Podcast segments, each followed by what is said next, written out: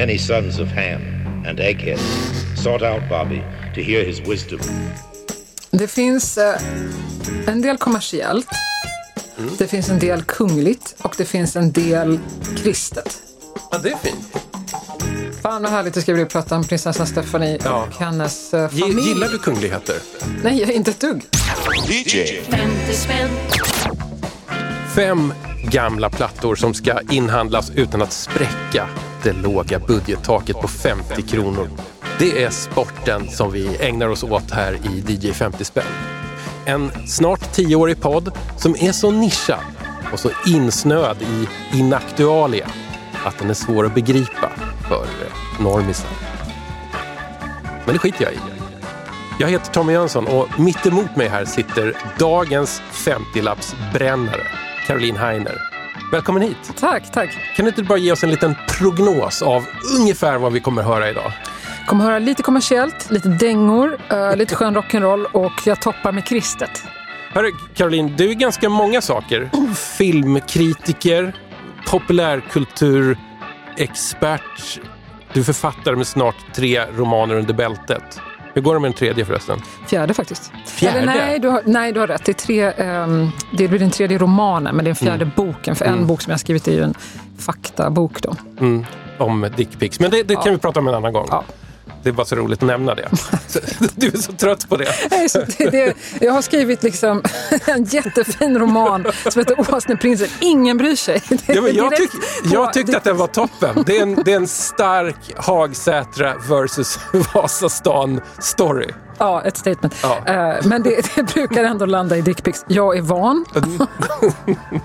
Tänk att det kom med här också. Det smög in. Jag bara drar lite här så att alla som lyssnar är med på äh, liksom, hur mångsidig du är. För du är också eh, känd som liksom, skönhets och doftexpert. Du bloggade ganska länge om det här. Ja, Du är marsvinsmatte också. ja. Det brukar också komma upp. Ja, jag vet. Men det är för att det är så härligt. Jag gillar ju de här liksom, limpformade djuren. Det är någonting Alltså, speciellt gna, med dem. gnagare är bäst. Gnagare är bäst tycker jag. Eh, ja, men allt det där stämmer. Mm. Och eh, det enda som jag är, eh, eller det enda som, eh, det området inom populärkultur där jag är minst bevandrad är ju musik Mm. också. Så därför så, så är jag ju lite i ett underläge här. Men det känns också roligt att komma in lite som så nybörjare. Jaha. Där det inte ställs så stora krav. Nej, nej, annat nej. än att jag ska rota igenom en back, vilket jag har gjort. Mm. Och tagit fram lite, eh, de som bara fastnat för. Ja, jag brukar ofta liksom försöka pusha för att musik inte bara ska dömas efter parametrarna bra, dåligt, coolt, ocoolt och så vidare. Utan det finns alltid någonting mer. Om man ska operaifiera det här lite så är det så att varje skiva har en story. Men jag tycker att det här är spännande för jag undrar lite grann vad för slags utdaterad, inaktuell, nerdammad musik som du ändå plockar upp och kanske går igång på. Saken är den att jag lyssnar nästan bara på gammal musik. Eh, Mm. Jag tror jag slutade lyssna på ny musik på 90-talet någon gång tror jag. Så jag lyssnar, och om jag upptäcker så kallad ny musik, då är det liksom att jag går ännu längre bak. Mhm. Jag är, ganska konservativ faktiskt inom, eh, Mm. inom mitt musiklyssnande. Jag är också en hemlig lyssnare, för att jag brukar inte vilja tala om vad jag lyssnar på för musik. För att säger jag någonting så säger man, ja ah, men okej, du gillar gubbrock, jag fattar. Ja, Eller säger man någonting som man lyssnar på. En gång så var det så här, att jag stod på tunnelbanan och hade eh, hörlurar på mig. Och då kommer en kille eh, och säger så här, du, eh, fan, vad du än lyssnar på, det här är så jävla mycket coolare. Så han, och så pekar han på sina lurar. Aha. Det var ju så himla konstigt. Ja, det förstår jag, för du vet ju inte vad det är. Jag vet ju inte vad han lyssnar Nej. på, han vet inte vad jag lyssnar på. Så jag tänker bara så här, vad går han efter? Han går efter ja, vad han ser, Mm. mig. Och då tänker jag så här, fan jag ska aldrig berätta vad jag lyssnar på. Tänk, men kan du inte ge mig någonting? Gammal musik. Okej. Eh, och ehm, gammal eh, eh, elegant musik kan man säga. Ah, Okej, nu, Brian Ferry tänkte jag på nu när jag sa det. Ja, Roxy Music. Jag brukar ibland säga själv att jag tycker att musiken pikade 1979. Ja. Det, det kommer aldrig låta bättre än, än vad det gjorde då. Vi, vi har varit i nedförsbacke i 45 år typ. Ja, och sen så det finns så mycket gammal musik. Varför inte rota där istället för att blicka framåt? Jag är som sagt väldigt konservativ i Ja. musik. Ska, ska vi rulla igång din första då? Den är ju faktiskt från eh, 80-tal då.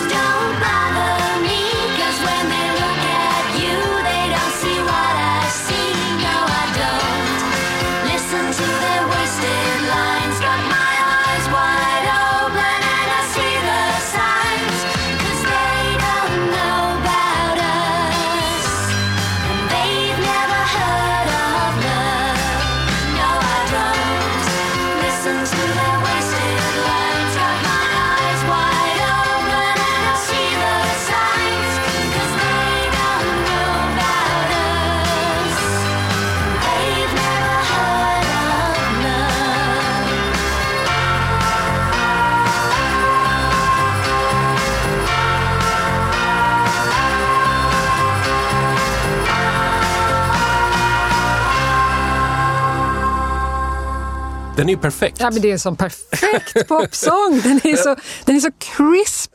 Crispy. Den är som nystruken verkligen. Ja, ja, ja. Den- Nystryken av polyester, Ja. fast, fast på ny. Du vet. Verkligen. Ny, skinande polyester. Ja, men det är så perfekt. Och eh, det är så roligt att det är Tracy Ullman Ja. som sjunger den. Alltså hon är ju inte så crisp. hon är ju en komedienn. Jo, jag vet. Brittisk Ja. komedienn. Ja, som ofta gillar att så här fula ner sig också. Ja, liksom. men det, det är väl liv. här, härligt tycker jag. Det är superhärligt. Ska jag bara sticka emellan. Alltså det är They Don't Know med Tracy Allman. Den är från någon typ 83. Gissar jag på. Och det här var, har man nästan glömt bort nu, men det var en mega hit verkligen. Inte bara i England utan det blev en stor hit i USA, stor hit i hela Europa, även här i Sverige. Det dräller av Tracy Allman-plattor om du går på loppis i Sverige.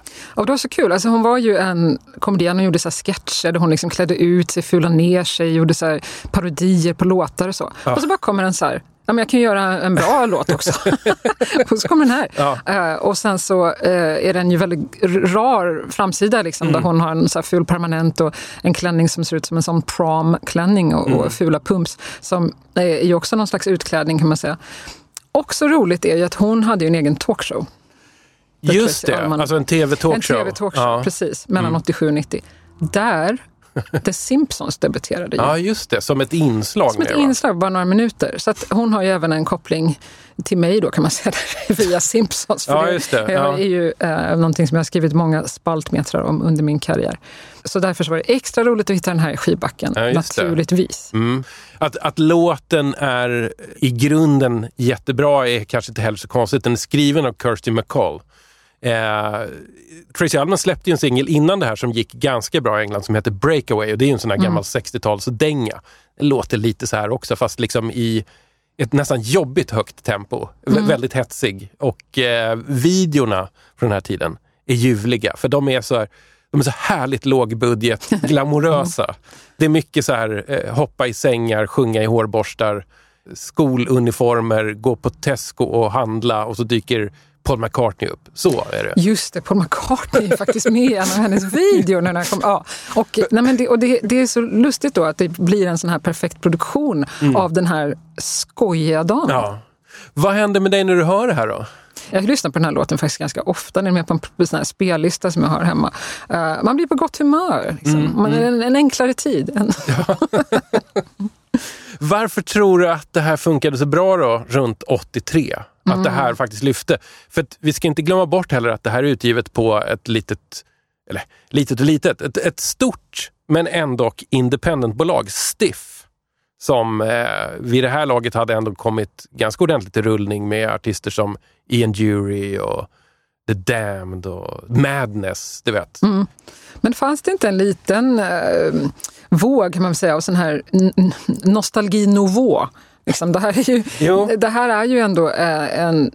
Precis som det här det hade ju kunnat vara en 60 eller 70-tals hit som man hade snyggat till. Ja, men jag, jag tror att det är det de är ute efter. Det ska att inte vara liksom rakt av. Nej, utan att det ska vara någonting nytt. Och, så, på 70-talet hade det funnits en sån här rock'n'roll eh, nostalgi-revival. Men det är först på 80-talet som de här stora retrotrenderna börjar komma, har jag för mig. Jag tänker också på den här Move Over Darling. Den är ju också sån 60-tals sound på. Så att, eh, dels var det väl hennes grej, men också så tycker jag med att det nog passar in i den. Eh, mot, en motreaktion mot liksom den här glättiga, riktigt glättiga, workoutiga, eh, Olivia Newton-Johniga Exakt. 80-talet. Ser ju här lite eh, släkt, men Ja. också inte. Men du sa ju lite innan att hon gärna fular ner sig. Är det inte det som är lite det sköna med Tracy Allman då? Är det inte? Jo. För att det, jag menar, alltså det är ju någonting lite roligt och lite så här fulsnyggt med. Mm. Ja, men det kanske är det där baby, Ja. konstiga. Nej, men det, alltså, det är, det, allting är lite överdrivet. Liksom. Allting är lite överdrivet, det kan man absolut säga. Och det, det, det passar ju henne såklart. Eftersom det är det hennes komedi går ut på. Ja. Va, vad gör Tracy Allman idag? Alltså jag vet att hon... Jag, alltså, jag har sett att hon Ja. liksom under hela 00-talet har, har ibland dykt upp i så här biroller. Precis, liksom. dykt upp i biroller, hon Ally producerar grejer. McBeal, var inte hon Ja, någon så här, jo. terapeut Och så här, jo, hon var kna- knasig terapeut. Hon var med någon gång i så här, How I Met Your Mother. Eh, hon kommer in lite då och då. Eh, men hon är, jag läste inte alldeles nyligen, att hon är jätte, jätterik. Hon är liksom en av Storbritanniens rikaste kvinnor. Jag fattar fattar faktiskt inte hur, men hon måste ju ha producerat någonting. Här borde jag ju kunna, men eh, hon är rik. fall. det, det känns lite otippat. känns lite otippat För- för att, att hon, hon- skulle hon- ligga i topp. Ja, Liksom. För att jag menar, hon var, alltså hon var hu, liksom så här huvudrollsperson på det sättet. Hon hade en talkshow ett tag. Mm. Och hon hade liksom en sån Tracy Allman, var- hade ett- något sketchprogram också tror Hon har jag. sketchprogram och sen har haft såna där, liksom, hon har spelat på sin brittiskhet också. Så här, Tracy Allman upptäcker New York och så här, Tracy Allman åker omkring och pratar med amerikaner och sånt där. Men det förklarar ändå inte en stor pengahög. Nej, inte riktigt. Så om, man- Ja. hon har inte haft någon sån här mega-hit alltså i, i drama och tv-värld. Mm. Hon har ju stått lite på scen också, teater och sådär. Så jag vet inte var de där pengarna kommer ifrån. Har väl investerat det kanske, producerat några bra grejer. Ja. Hon, hon kanske, utan att man fattar det, sitter, och... Drar i trådar. Exakt. Ja, hon eller kanske pe, pe, är en duktig, så här, si- sitter och spelar på börsen. Hon kanske spelar på börsen eller så är hon liksom en puppet master någonstans i, Mm. eh, på någon kanal. Jag känner i hela kroppen att jag gillar henne. Mm. Men jag kan inte förstå varför. Jag tror, är det inte, alltså kolla på det omslaget. Ja. Det, det, det, det är en tjej som har klätt ut sig till att hon försöker visa benen. Ja, Ja. Jo, jag vet. Ja, men det, det är roligt. Alltså, Jag gillar det, att hon ja, försöker, ja. mm, men det, det är någonting också, alltså, det, det är oerhört brittiskt det här. Man är inte snyggast i världen, då kan man vara rolig Ja, istället. Det är Ja. rörande faktiskt. Det är rörande. Ja. Men, Och det och just där. därför så unnar man ju henne den här jävla bra låten. Det, vi, vi älskar Tracy Allman och det är också ett litet sånt här tips till dig som då och då går förbi en loppisback. Att om, om du vill ha liksom en karamell för en liten peng i form av musik så kan du plocka upp Tracy Allman singlar eller det här första albumet från 83 för det, det var roligt och härligt. Ska vi ta lite kungligt? Det tycker jag verkligen att vi ska. Det här är ju den kungliga juvelen, Ja. kungakronan i min, eh, Ja. min LP-samling här. Singel. Säger att jag tvekar lite att lägga på den här. För att den är så vacker. Jag har ett svagt minne av att hon inte är världens bästa sångerska. Vi får se.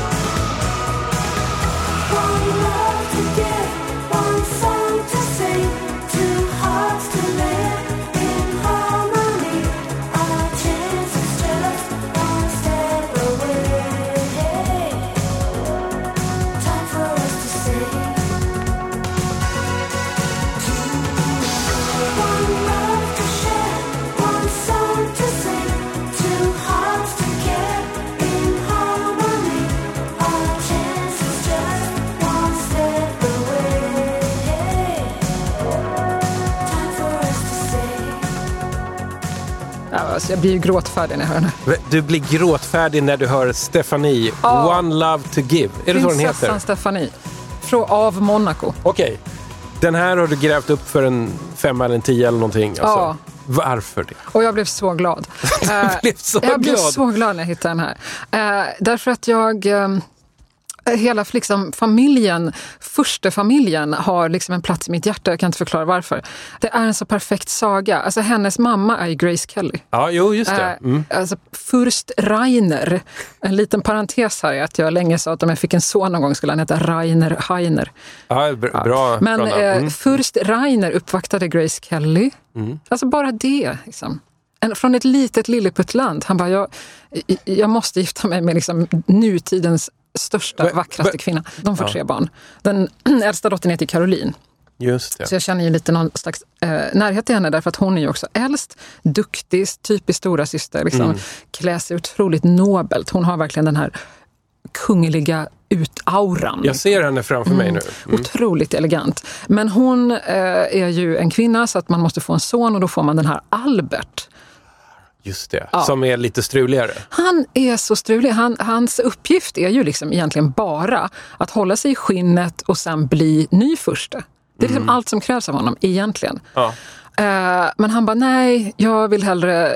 Jag tänker att jag ska åka massa snabba bilar och åka på så här jakt och sånt där. Eh, och då säger pappan att men nu, nu börjar det bli hög tid för dig att gifta dig och sådär och liksom ta över stafettpinnen. Han bara, nej, jag vill nog träffa modeller och eh, träffa väldigt unga tjejer vill jag gärna göra. Eh, och så säger pappa, fast nu har det börjat gå lite lång tid och sådär. Och då säger han, ah, okej då, jag tar väl och gifter mig med den här kvinnan, den här simmerskan från Sydafrika. Och så gör han det. Och hon gråter på bröllopet, men av helt fel anledningar. Va, va, va, varför gråter hon? Ja, vid det laget har han ju erkänt två utomäktenskapliga barn med två olika kvinnor, varav en var tonårig mamma. Ja, ja. Eh, Och det kommer fler, det kommer liksom fram hela tiden. Men det är de här två han har liksom erkänt ja faderskapet. okej. Mm. Under den här tiden så finns ju då Stefanie, yngsta tjejen. Lilla syrran. Lillasyrran. Och liksom, vem bryr sig om henne? Ehm, hon är väldigt tragiskt, eh, alltså deras mamma dog ju i en trafikolycka. Just det. Mm, Grace Kelly dog i en trafikolycka. Och Stephanie var ju i bilen med henne. Ah. Och saken är den att Stephanie var 17 år då och eh, hon fick liksom skulden, helt otroligt. De sa liksom så här, det måste varit hon som körde. Därför att hon var liksom den här struliga lillasyrran Mm. som inte kunde göra rätt. Då hade jag kunnat tänka så här, vad fan, kolla på Albert. Men, ja, Ja. eh, men tiderna var annorlunda då. Det var hon som var liksom pojkflickan som var så wild child, enfant terrible. Eh, för att hon var modell sen och sen så eh, gjorde hon en egen så simkollektion, alltså så här, vad heter det, badklädeskollektion, så baddräkter.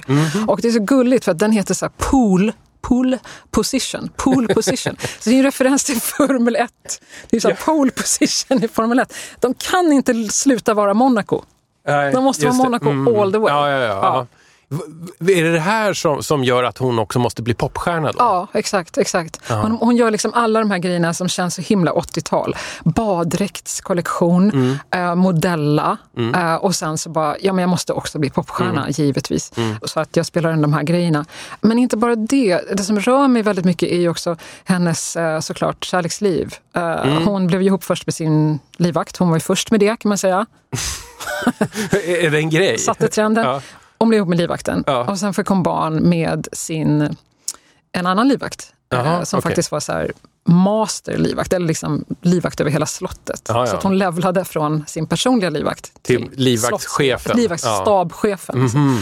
Men hon tänkte att Nej, men det här är fortfarande lite för instängt för mig. Så här, jag, eh, då blir hon kär i en eh, elefanttämjare. Det är sant.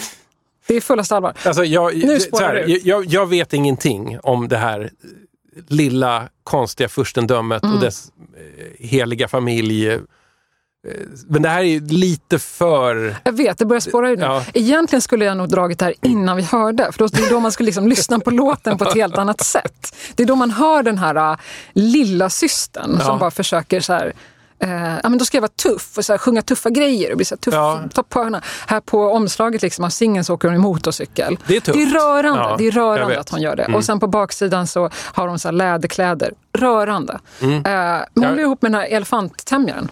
Och, get this, Men- vid det här laget så har hon tre barn. Jaha. Och hon bara, nej, men jag tar med dem och så kör vi, vi, vi åker med hans cirkus. Så de drar med hans cirkus. Så, så hon har rymt med cirkusen Hon rymde med cirkusen.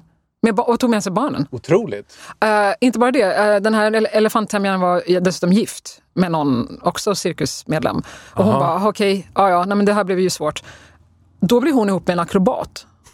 Som också är med i den här cirkusen. Jag vet! det- Varför vet du så mycket om det eh, monegaskiska kungafamiljen? Jag kan inte förklara det. Jag kan inte förklara Hur, hur, det. mycket, hur mycket läser du om eh, Stefanie, Albert och Caroline? Alltså jag, jag är ju mån om dem, om man säger så. Mm. Jag månar om Du dem. gillar ändå dem, eller hur? Det är svårt att inte bry sig om en första familj i ett land som är lika stort som ett frimärke. Jag har varit där, jag har varit i Monaco och vilken riktning man än går så kommer man till det där slottet. Det är liksom bara det som är Monaco. Eh, Det är svårt att inte då tänka så här, hur är de här människorna? Hur, hur är det att liksom vara bossa över det här lilla landet och ändå vara så kända och så ändå tänka att så här, men jag kan ta över världen med min popmusik. Ja. Va, vad tyckte du om låten förresten? Jag tycker att den är fin. Det gör jag. jag tycker att den är fin poplåt. Jag tycker liksom att det hörs att den är så himla producerad. Det känns som att hon har gett liksom en säck frang till Ja. en stab med liksom studiomusiker. Och de har ändå lagt fram en ganska bra poplåt. Ja, jo, men det är nog State of the Art 86 eller vad det 86 här är. absolut. Ja. Och sen så hör man ju att hon inte riktigt kan sjunga. Det gör inte så mycket i den Det här gör genren. inte så mycket. Nej. Alltså det är verkligen känsla med i det här. Och sen så tycker jag att med tanke på eh, alltså omständigheterna kring henne och när Ja. den här, så tycker jag att det är, eh, det tycker jag att den, den blir ju bara finare då tycker jag. Och sen kan jag bara som en liten, bara nämna att, jag vet inte om du har sett videon till den här. Jo, men det var länge sedan. Också helt fantastiskt för att den är så bananas och banal. Hon, eh, det är Stefanie, då hon följer liksom efter en så här mystisk man i hatt. En hattbeklädd mystisk man som hon blir så besatt av och bara måste följa efter. Så hon följer efter honom så här. Och sen på slutet så vänder sig mannen om. Men mannen är Stefanie.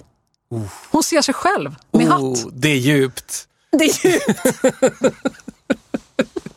Men det är någonting med den här låten också. Den är ledsen på ett konstigt Ja, sätt. den är ledsen på ett konstigt sätt. Jag håller helt med dig. Ehm, det här är ingen glad kärlekslåt. Den har ju också lite det här krispa, krispiga liksom, studio-soundet. Jag vet, alltså den är ju rätt torr Ja, den sätt. tar lite, liksom. det är Mm. det som lite suddar ut hennes liksom, eh, stämpel på det, om man Mm. säger. Men det är därför refrängen blir så viktig. Där hon inte riktigt helt sätter. Alltså hon håller ju lite tillbaka. Hon får, Ja. vet väl att hon inte klarar de här höga noterna. Men hon gör det ändå. Ska hon ha cred för att hon ändå gjorde det och att den här singeln pressades upp i säkert hundratusentals exemplar.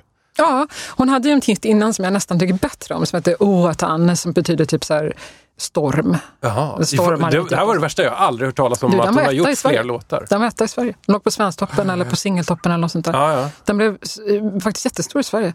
Och det var den som manade då till att hon skulle liksom göra mer. Men sen blev det ju inte så bra resten av karriären så att hon la ju snabbt ner det. Hon verkar vara ganska otålig med tanke på att hon eh, Ja, äkten, ja, hennes förhållanden och äktenskap och sådär, men också de här eh, olika karriärsvalen. Mm. När i tid var det här att hon stack iväg med elefanttämjaren efter den här skivan? Var det långt efter?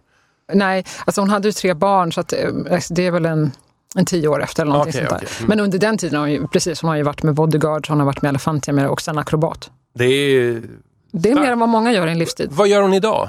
För hon lever väl fortfarande? Hon lever fortfarande. Nu har hon lugnat ner sig lite och eh, är liksom lite så... Ingenting krävs ju av det yngsta barnet i en sån kungafamilj. Eller först en familj. Eh, Ja. Så att hon kan ju leva ganska mm, flott bara. Och det tycker jag hon kan göra. Det är nu man ska lyssna på låten igen. Så Ja. jag uppmanar lyssnarna Mm. att Kör den en ta en till. paus nu Mm. och lyssna på den igen. Med allt, och, och hör allt detta. Man hör allt det här. Ja, jag, jag, jag tror dig. För övrigt tycker jag det är konstigt att prins Albert är så himla intresserad av snabba bilar. Han är ju, han är ju liksom Formel 1-entusiast. och Han Ja. är ju liksom Monacos Formel 1 eh, ja, men skyddshelgon. Liksom. Men han, hans mamma dog i en bilolycka.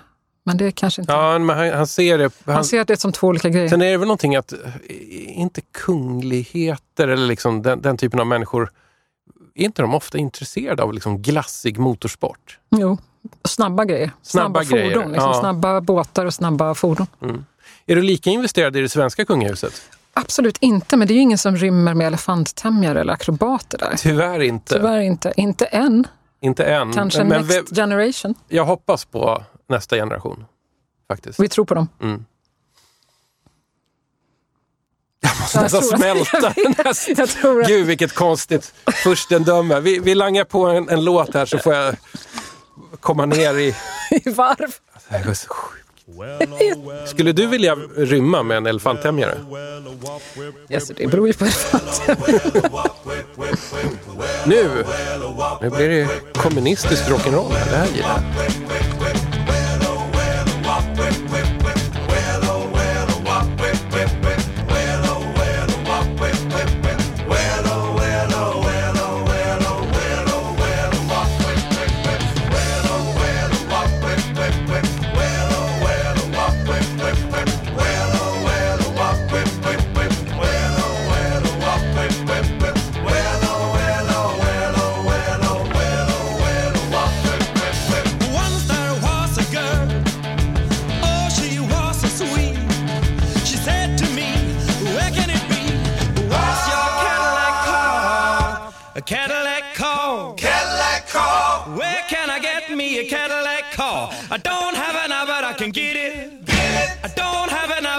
Get it.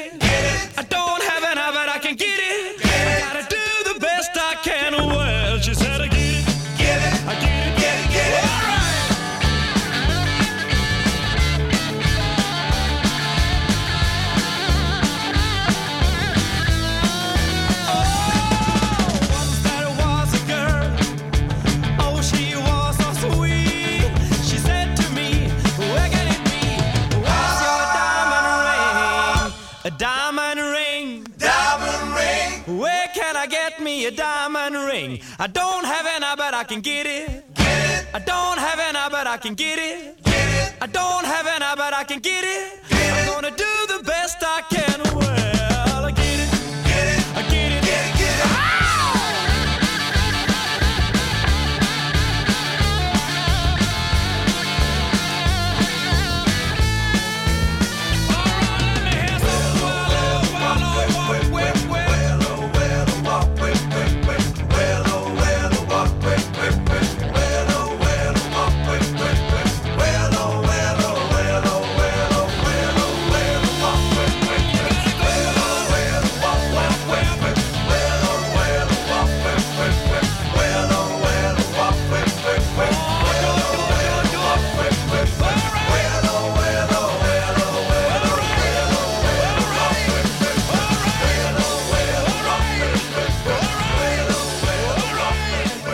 Ja, Det var så otroligt tung lastbilskänsla på den här. Jerry Williams med Roadwork.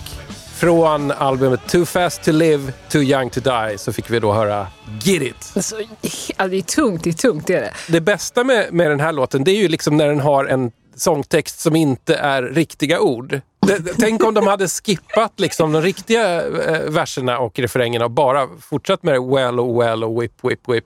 Det, det är liksom en gjort varken till eller från. Det är Jag samma... tycker att det hade varit ännu bättre, Ja, kände jag.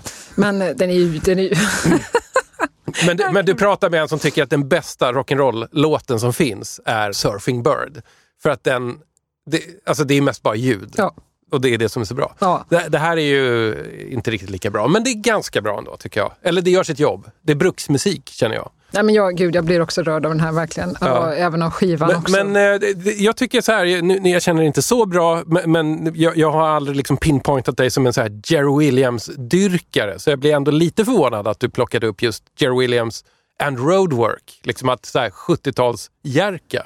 Han är sann mot sig själv, tycker jag. Mm. Ja. Och det tycker jag syns på det här omslaget där han åker, eh, åker motorcykel. Men det är ju inte han, det är något så här airbrushat. Vilket känns också väldigt mycket, tror jag var ett statement här. För nu är vi i det här som vi nämnde för ett tag sedan, den här 70-talets rock'n'roll revival.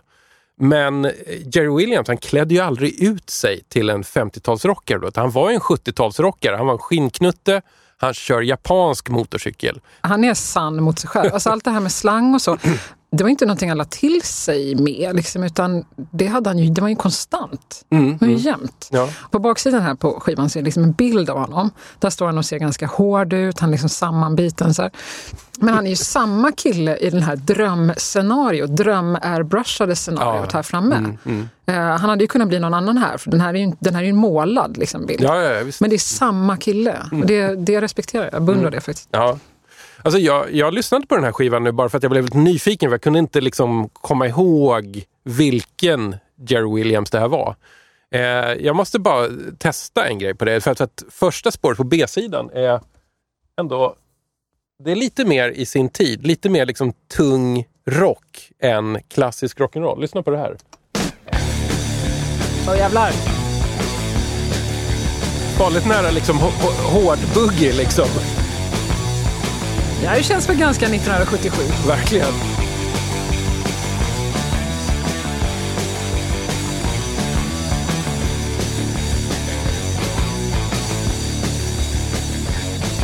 Det här är ju mer motorcykel än lastbil.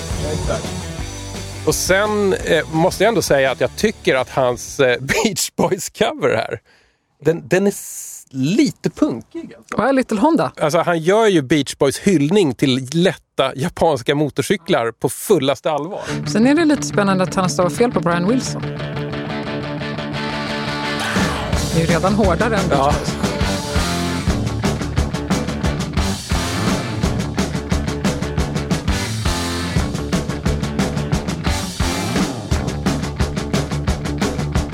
Den är liksom så garageig. Det är som så här, de har lärt sig spela igår.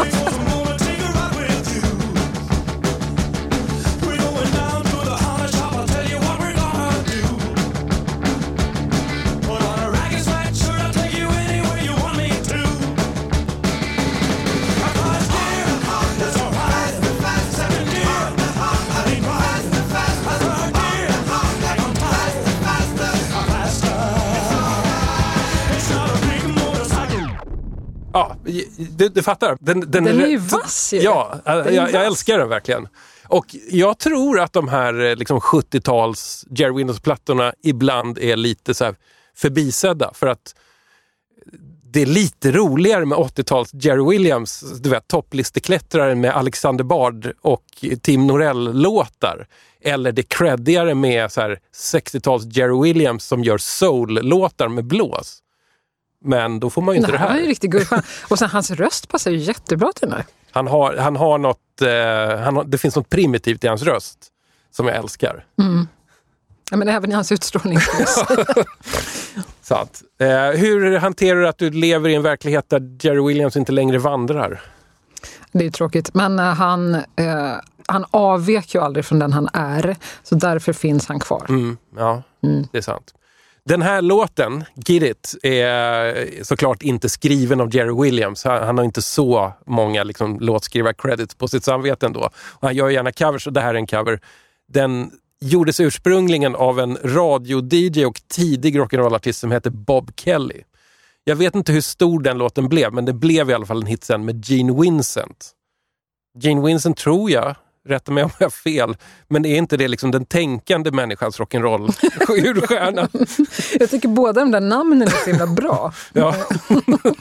ja, jag, vet- jag vet inte. Jag har ganska nyligen börjat förstå ur rock'n'roll och börja gilla det. För tio år sedan så hade jag aldrig kollat upp så här, vem var Bob Kelly. Men idag så tänker jag så här, hmm, undrar om man skulle så här, ge sig ut på Youtube och se om det finns några så här, avfilmade 78-varvare med Bob Kelly. Eh, Alltså, du, är inte du lite så här, eh, Amerika-älskare? Du gillar det amerikanska på något sätt? Ja, mindre nu kanske än vad jag har gjort. Men jag har varit Ja. ganska amerikana, absolut. Men du och sån här liksom, ändå liksom så här klassisk superformaterad rock'n'roll av den gamla säger- sorten. Gillar du sånt? Ja, men när jag säger att jag lyssnar på gammal musik så är det ju ganska mycket gammal americana också. Ja, jag lyssnar faktiskt ganska mycket på Beach Boys. Nu outar jag väldigt mycket min musiksmak. Men Ja. Även Beach Boys men också eh, ja, men lite framåt. Det är som ja, men americana helt enkelt. Mm. som folk. Eh, så att någonting där i det eh, nostalgiska, nästan påhittade USA. Mm. För du har ju varit mycket i USA, Ja, väl? Så här, är det det du har jagat där? Ja, det kan man nog säga faktiskt. Jag har bott där i väldigt många omgångar. Eh, jag har skylt på, eller liksom officiellt har jag sagt att det är för i, i tjänsten eftersom jag skriver om film och tv och så. Just det. Delvis ja, men, men, men, men när jag är där så söker jag upp massa gamla diners liksom, och jag, jag rotar ju deras um, loppisar och sånt där. Så att någonting i liksom, den amerikanska folksjälen har jag på allvar faktiskt försökt att söka. Jag var utbytesstudent där också och då klippte jag alla band med Sverige. Nej, jag, jag ringde inte hem, men jag ringde hem två gånger under det året. Liksom, och jag, skulle, jag ville verkligen bara gå upp i det där. Wow! Va, Men varför det? Vad var det som liksom... Eh, Ja, vad, vad var det som jag- drog dig? Ja, men dels så tror jag att jag är barn av min tid. Alltså jag växte upp på 90-talet där Mm. en Levi's reklam var liksom höjden av eh, eskapism. Ja, ja. Liksom. Mm. Att till och med, det gavs till och med ut LP-skivor med Levi's reklammusik. Jag växte ju upp i den, Mm. eh, i den miljön, liksom, för det första. Men det var någonting eh, väldigt drömskt för mig och har länge varit faktiskt, fast är inte längre. Det, det, det har försvunnit. Något drömskt eh, över USA. För att USA gillar ju liksom att eh, göra en myt om sig själv och den myten köper jag med. Mm. Om eh, eh, upptäckter och liksom eh, friheter på eh, ja, Jerry Williams USA. Liksom. Ja, ja. Ja. Det lockar mig också och det är en annan sak som jag gillar med USA som jag ibland kan tänka att vi faktiskt kunde anamma lite mer på vårt sätt här är att bejaka liksom eh, weirdness, om du förstår vad jag menar. Nej, men, alltså, tyvärr så säljs det liksom inte t-shirts och små pins som det står så här Keep Gränges weird i Sverige. Men det borde göra Det borde göra det. För att de är duktiga på att plocka upp det och liksom göra en grej av det i USA och liksom hylla det på något sätt. Medan vi har säkert lika mycket sånt här, men vi försöker liksom tänka att åh, de där byfånarna eller det där konstiga, det ska vi inte så här, göra. Jag, jag gillar ju den svenska formen av amerikaner väldigt mycket. Den här eh, hur vi anammar något väldigt amerikanskt och så, gör, så blir det till slut, det muterar till något eget. Alltså raggarkulturen. Absolut, det är en eskapism där också. Det är, det är liksom en nostalgilängtan. Men grejen med nostalgi, och särskilt nostalgi kring USA, det är ju att det liksom är ett USA som nog troligtvis aldrig funnits. Nej, säkert inte. Jag såg eh, liksom Wes Andersons senaste film nu. Alltså det slog mig att han är ju på jakt efter det i varenda film han gör. Ja, det, just det. Vad heter den? Atomic City, va? Så, så det, det är någonstans i öknen, Mm. Ja. Liksom. Atombombsprängningar, Twilight Zone, alltså alla sådana snurresprätt. Det är verkligen så pure americana i den, referenser i varenda ruta. Den handlar inte om någonting, men det är heller inte poängen. Liksom, Nej. utan det är att försöka fånga den här, ringa in den här känslan. Jag förstår honom, han är ju på jakt efter den hela Mm. tiden. Jag har varit på jakt efter den, men jag har släppt det nu. Hur, eh, hur kickade det din jakt efter det amerikanska då? Eh, alltså hur, hur, hur, hur, Ja, men hur blev du av hur med jag det? blev av med Ja? Ehm, politiken trängde sig på. Trump. Trump trängde sig på. Jag bodde där då. Ja, jag Shit got real. Ja, ja, ja. Mm. ja Och kan sen jag så faktiskt Mm. någonstans, eh, och det är nog ingen efter eh, men, men ju faktiskt någonstans så, så fanns ju inte det där amerikana. Nej. Utan det som man kanske tar för liksom, eh, cowboys, det är ju egentligen så här, vapenvurm. Eh, och det man, Ja. ja, det, Jo, ja, ja. och så vidare. Ja. Men den här jakten på det amerikanska. Jerry Williams måste ju ha varit ute på den också på något sätt. ja, det tror jag. Undrar om han någonsin hittade det han ville hitta? Men jag tror nästan det eftersom jakten, antingen så pågick den eller så hittade han den hem. Liksom. Han hittade americana inom sig. Och så bara så behöll han det. Det roliga med Jerry Williams är att egentligen vet vi ganska lite om honom. Han lyckades ju knipa käft om sitt privatliv nästan hela tiden. Vad vi såg var vad vi fick. Rest in peace. Vi, eh, jag skickar tillbaka den här skivan här så ta- tar vi dagens andliga sång här tycker jag. Det blir nästan alltid en, eller hur? Ja, det blir There's det always faktiskt. one. Avir harin salul kayain Vereach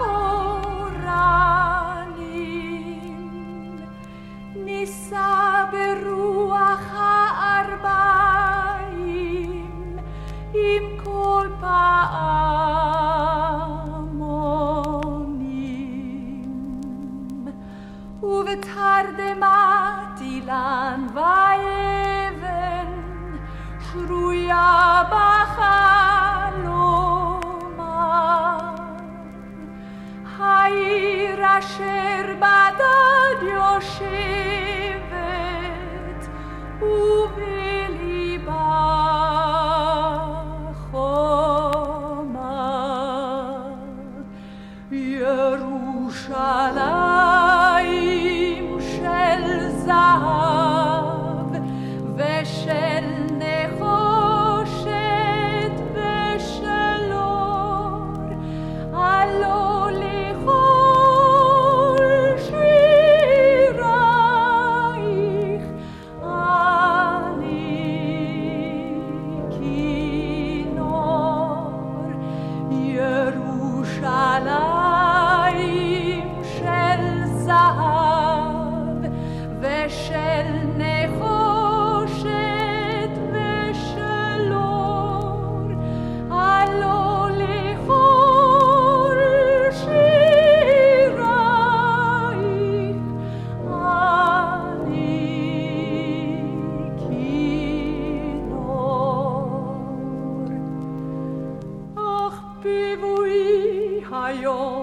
היום לשיר לך, ולך לקשור כתרים.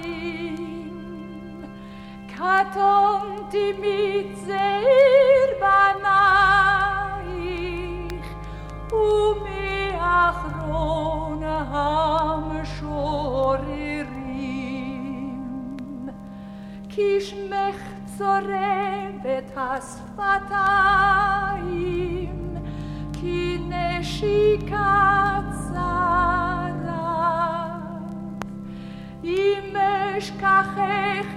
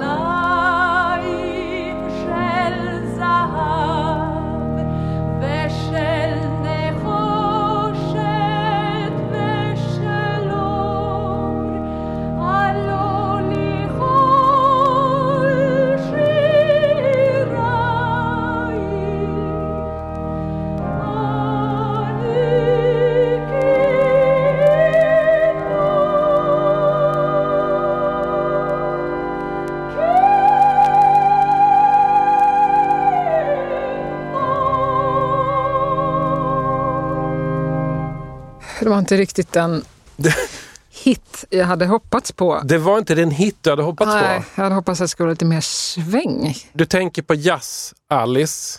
Ja, och så Och- tänker jag på upbeat kristet. Ja, alltså jag tänker, är man mm. kristen och vill sjunga om det, då vill Ja. man liksom göra det med glädje. Ja, men varje liksom 50-lapp som man eh, chansar på skivor för på en loppis eller en skivbörs innehåller alltid en liten besvikelse. Jag tycker att du ändå ska vara glad över att du har tagit Alice Babs andliga skiva Alice in Israel. Precis, för när man hör det, Mm. då blir man lite intrigued. Alice är i Israel, tänker Ja. jag. Så vänder jag på den och så säger jag så här, nej, men det är hon ju inte alls. Det står tydligt här att man spelar in den i Göteborg. Ja. Men det finns en låt, den här som jag hörde, Mm. som är, eller kan vara, jag visste inte, på hebreiska. Ja, den heter Jerusalem im Shel Sahav. Jag tror att det betyder så här, gyllene Jerusalem eller något sånt där. Okej, det var en jättetråkig låt, men det är ändå roligt att höra Alice Babs sjunga på hebreiska, antar jag. Ja, det är, jag tror inte att det händer så ofta förutom i den här låten. Men grejen är att äh, Alice Babs, vi, nu är vi inne liksom i eh, 69-70 någonting va? Mm, 72 här. 72. Och hon, som många andra, eh, gick in i en liksom lite mer andlig period. Inte helandlig, men lite andligare i alla fall. Så att det finns liksom fler eh, skivor med Alice Babs från den här tiden som har eh, ja, men som, som finns för att hylla eh, Gud, helt enkelt. Men bara en av ni är i Israel? eller? Eller hon är ju inte i Israel. Nej, hon är i Göteborg. Mm. Vi vet inte ens om omslagsfotot är taget i Israel för att det är så suddig bakgrund. Verkligen. Hon går på stranden här, det skulle kunna vara Gotland. Vi, vi kommer aldrig riktigt få veta. Vi kommer aldrig få Ja. veta. Tror du på Gud? Nej, jag är väldigt rabiat uh, ateist faktiskt. Ja. Men jag eh, gillar den kristna auran Ja, som, okej. Mm. som man kan se hos väldigt frälsta människor. Jag kan också, eh, eller det fanns en gång i tiden ska jag säga, jag kanske kunde Mm. bli lite, nästan lite avundsjuk på det också. Men så är det inte längre. Vad var det för osynlig hand som styrde dig att ta den här skivan? Det var, eh, omslaget är ganska cleant. Liksom. Alice, Ja. ba- Alice Babs som ser väldigt eh, kristen ut faktiskt, är väldigt Mm. frälst och stirrar i liksom, horisonten. Och sen när jag såg att, att hon ljög, hon ljuger ju, hon säger att hon är i Israel men hon är inte det, hon är i Ja. Göteborg. Och sen så att hon, chansen att hon sjöng på hebreiska som ändå är ganska svårt. Mm, Det var de faktorerna. Jag är absolut inte Alice Babs expert. Det är många andra som har dykt in i den delen av liksom svensk musik och nöjeshistoria. Eh, men, men alla känner ju till Alice Babs. Liksom blev, hon blev ju jätteberömd med Swing It Magistern redan 1940 och sen höll hon på ganska länge. Men någon gång på 60-talet så eh, gjorde hon en skiva tillsammans med Duke Ellington. De klickade musikaliskt på något sätt. Och strax efter den, jag tror att det här var 65-66 någonting, så började Duke Ellington bli mer och mer andlig Han bara drog med sig henne. och eh, satte upp någonting som man kallade för Duke Ellingtons Sacred Concert. Gud vad nice. Alltså det är storband, det är gospelkör, det är både jazzigt hålligång men också ganska mycket sånt här. Alltså deep God-fearing stuff som, som är väldigt stillsamt och väldigt liksom så här. Det, det skulle låta bra i en katedral och det sattes alltså man gjorde det här i katedraler. Och då var Alice Babs med som enda liksom vita sångerska som kvalade in det. till det här. Hon hade det. Så hon är med på tre sådana här Duke Ellingtons Sacred Concerts. Och sen efter det så började hon också göra mer och mer andlig musik själv. Så att, En besvikelse ändå måste jag säga. får jag bjuda dig på lite mer musik på hebreiska om du ändå går igång på det? Ja, Jag kan... om det är lite mer upbeat än... Det, eh, det är inte super alls. upbeat men det är ändå med ett rockbeat. Eh, jag plockade fram här medan vi lyssnar på Alice Babs här eftersom det är kul med hebreiska av människor som inte är sådär superhebreisktalande så eh, har jag då någon gång chansat på en skiva med en kristen rockgrupp som heter Lamb. Utgiven på skivbolaget Myrrh. Myrra. Och de sjunger på hebreiska för de råkar då vara Jews for Jesus. Så du ska få här, jag har en favoritlåt här som heter Baruch Hashem. The Messiah, his only King. And when in the soul of a Jew he reigns, peace to the city he brings. Baruch Hashem, HaMashiach, Yeshua, Baruch Hashem, Adonai. Baruch Hashem, HaMashiach, Yeshua, Baruch Hashem, Adonai. Ja, men ändå, jag något. gillar att den har något. Den har något. Den har något. Men det är Han lite, lite väldigt mer hippie. Behaglig musikalröst röst också. Det har ofta kristna eh, sångare. De är helt enkelt ofta bra på att sjunga, Ja, tänker jag. Och Lamb eh, gled ju inte över, men han hade Nej. potential. Man hörde att han hade kunnat. Precis. Ja. Nu tar jag och sticker in en eh, viktig grej här. Nämligen ett jävligt stort tack till alla er som stöttar och sponsrar DJ 50 spänn. Utan er så hade den här podden inte kunnat existera. Och om det är så att man vill stödja DJ 50 spänn så har jag satt upp en sån här Patreon-sida. Ni hittar den på patreon.com och så söker ni efter DJ 50 spänn. Där kan man välja ett valfritt lågt belopp att sponsra med per månad. Gör gärna det om du gillar vad du hör. Nu fortsätter DJ 50 spänn. Hörru, Caroline, vi, vi har egentligen bara en skiva kvar i din hög här. Ja, Har du någon tanke med att vi sparar den här till sist? Ja, men den är fin, eh, för det första. Och sen tycker jag faktiskt nu se att den faktiskt kanske går in lite i något slags tema. Om man nu ska kunna tänka sig att vi hade något tema som var eh, liksom kung och bonde, eller så här, kung och arbetare. Ja, ja, ja. Mm. Eh, klasskildringar kanske. Jerry Williams på ena sidan och han, han sluter då upp med The Proclaimers. Oh. Som ju är eh, så himla arbetarklassiga. Alltså, de har ju en låt där de står och rabblar upp så här, namn på gruvor som har stängts. My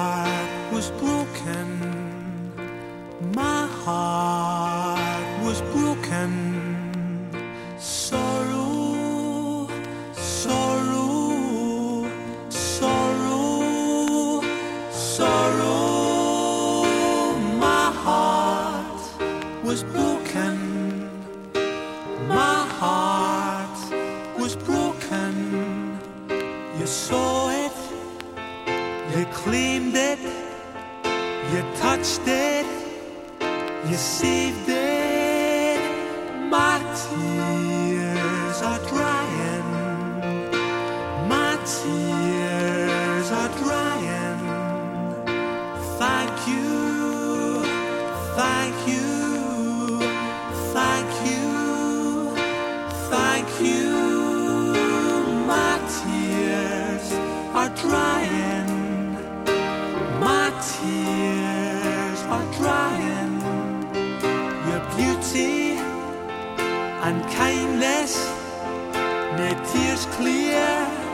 my plainness.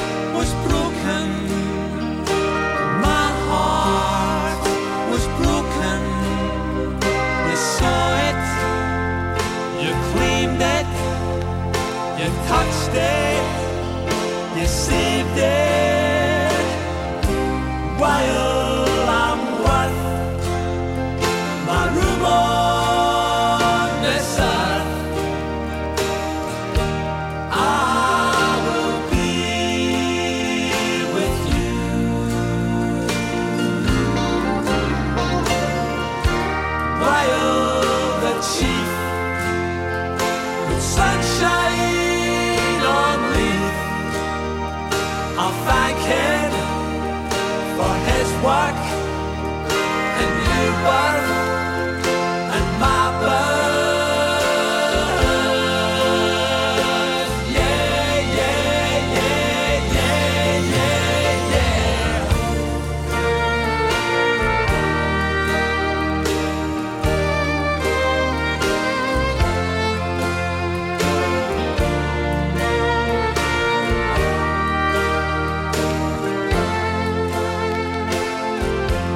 Ja, Caroline, vad hör vi?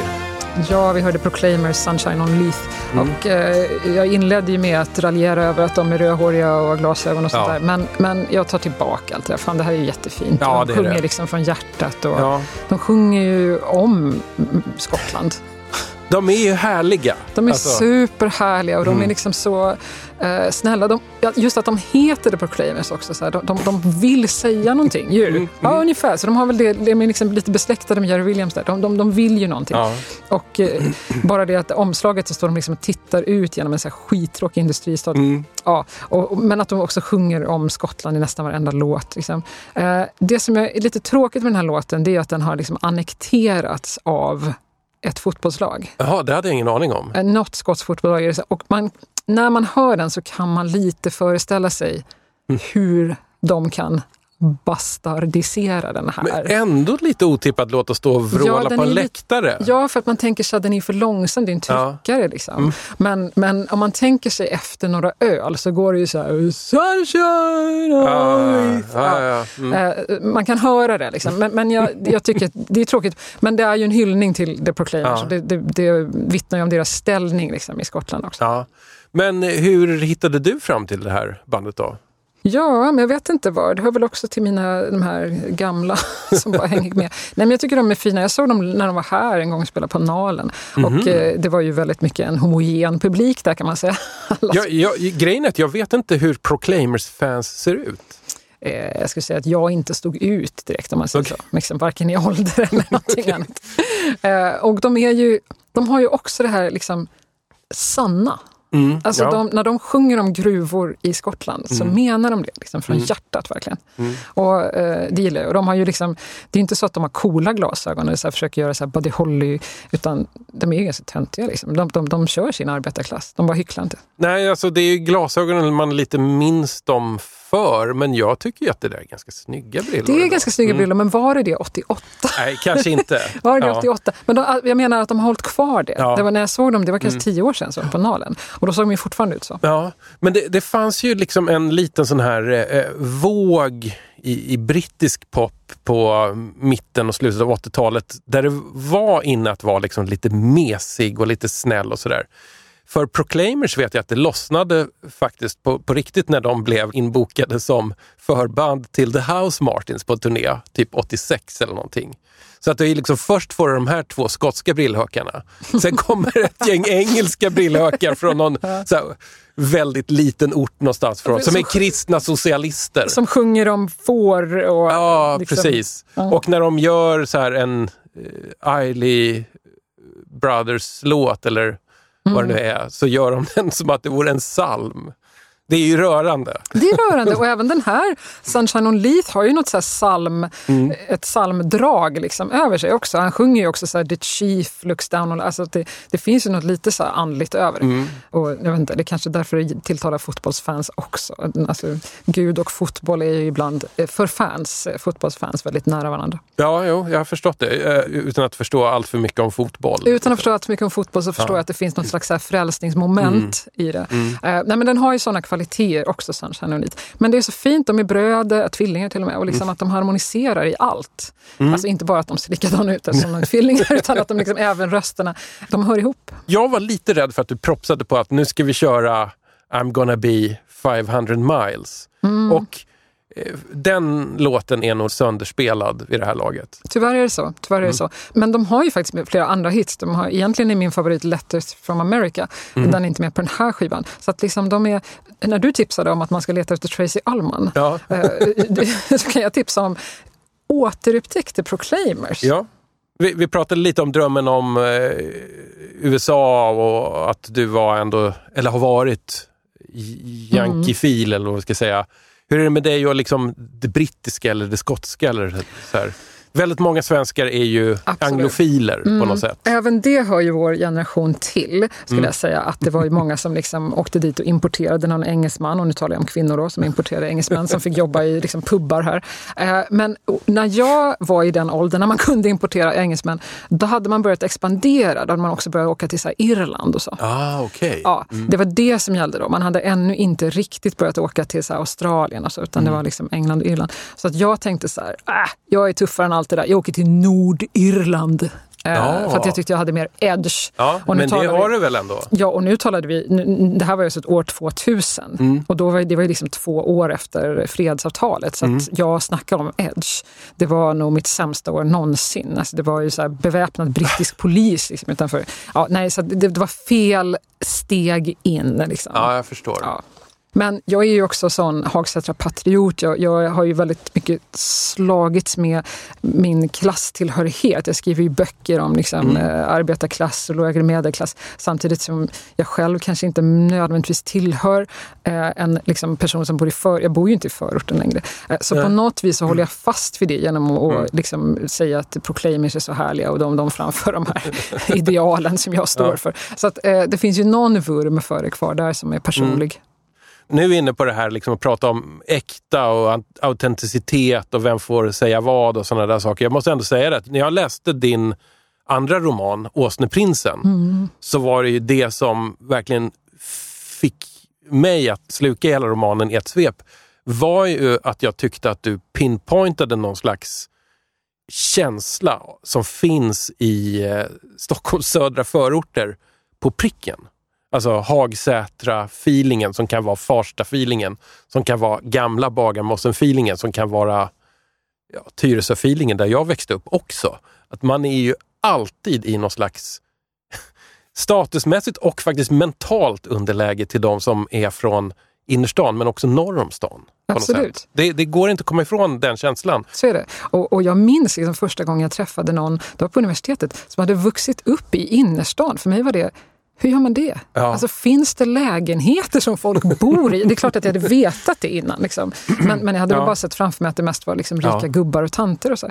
Eh, men nej, man kommer inte ifrån den underdog-känslan. Mm. Men det jag vill åt också i boken, det är också att förort kan eh, ha liksom också eh, kidnappats lite. Bilden av förorten har kidnappats lite av att det, är liksom, att det är missbruk, att det är misär, att Mm. Ja, det liksom kan vara misshandel och så vidare. Det finns ju en annan förort också. Och eh, det var lite den jag försökte Ja. in. Som är, det är ett underläge, ja. Det är en bildningskomplex finns ju Mm. i alla sådana familjer, eh, till exempel. Mm. Men för det nödvändigtvis inte eh, liksom en misär. Men det finns ju någonting som man alltid känner att man eh, att som fattas en. Eh, Caroline, nu har vi tömt ut dina skivor här. Vad en som du var lite besviken över?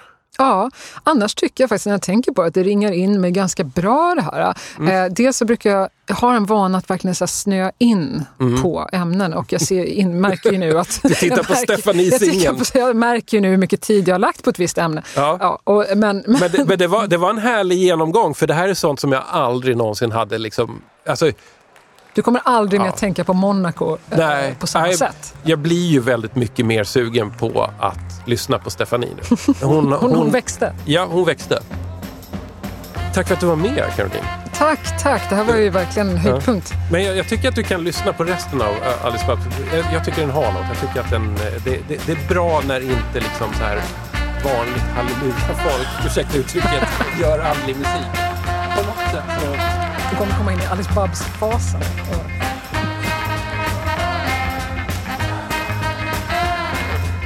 Du har upplevt DJ 50 spänn nummer 183 i ordningen. Allt du hör här är producerat av mig, Tommy Jönsson. Och kom ihåg att DJ 50 spänn är en oberoende podd för att främja den glada och snåla skivarkeologin. Sponsra hemskt gärna podden på patreon.com med en liten månadspeng. För det är nämligen det som håller den här skutan flytande. Och om du undrar så går pengarna oavkortat till musiklicenser, lokalhyra, datakostnader, grammofonnålar, elräkningar och så vidare och så vidare. Stort tack till alla er som supportar och tack alla som lyssnar. Vi hörs snart igen. But now the winter was passing, and the stickers were brought forth abundantly on the bumpers, and the voice of the candidate was heard in the land.